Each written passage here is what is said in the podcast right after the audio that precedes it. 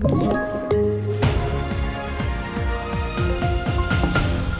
Tidigare dömd advokat frias i hovrätten.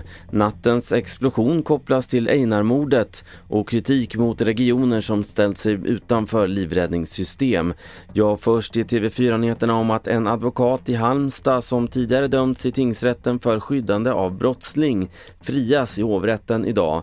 Åtalet byggde på bevisning från Encrochat och han misstänktes för att ha deltagit i planeringen av att ha placerat ut ett falskt bevis i form av en pistol i ett källarförråd. Vår reporter Josefin Gabrielsson har följt fallet.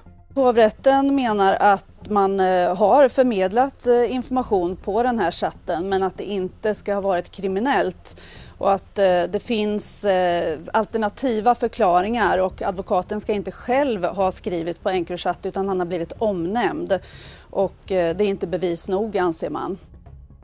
Nu om explosionen i ett trapphus i Enskededalen i södra Stockholm igår kväll.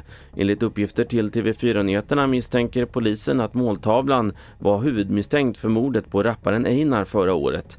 Jamshid Jamshidi är TV4-nyheternas krimreporter.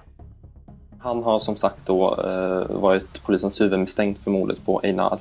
Eh, och mordoffret eh, i dödsskjutningen i Rinkeby på juldagen är misstänkt och har till och med delgivits misstanke för eh, medhjälp till mord på Einar. Och sist om att det riktas kritik mot att flera regioner i landet ställt sig utanför det system som innebär att frivilliga som kan hjärt- och lungräddning kan få sms som berättar att någon i närheten har hjärtstopp för att på så vis kunna hjälpa till.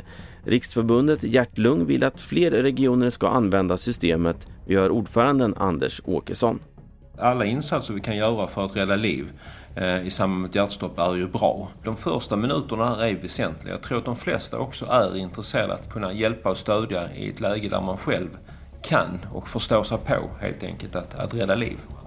Fler nyheter i appen TV4 Nyheterna. Mitt namn är Carl-Oskar Alsen.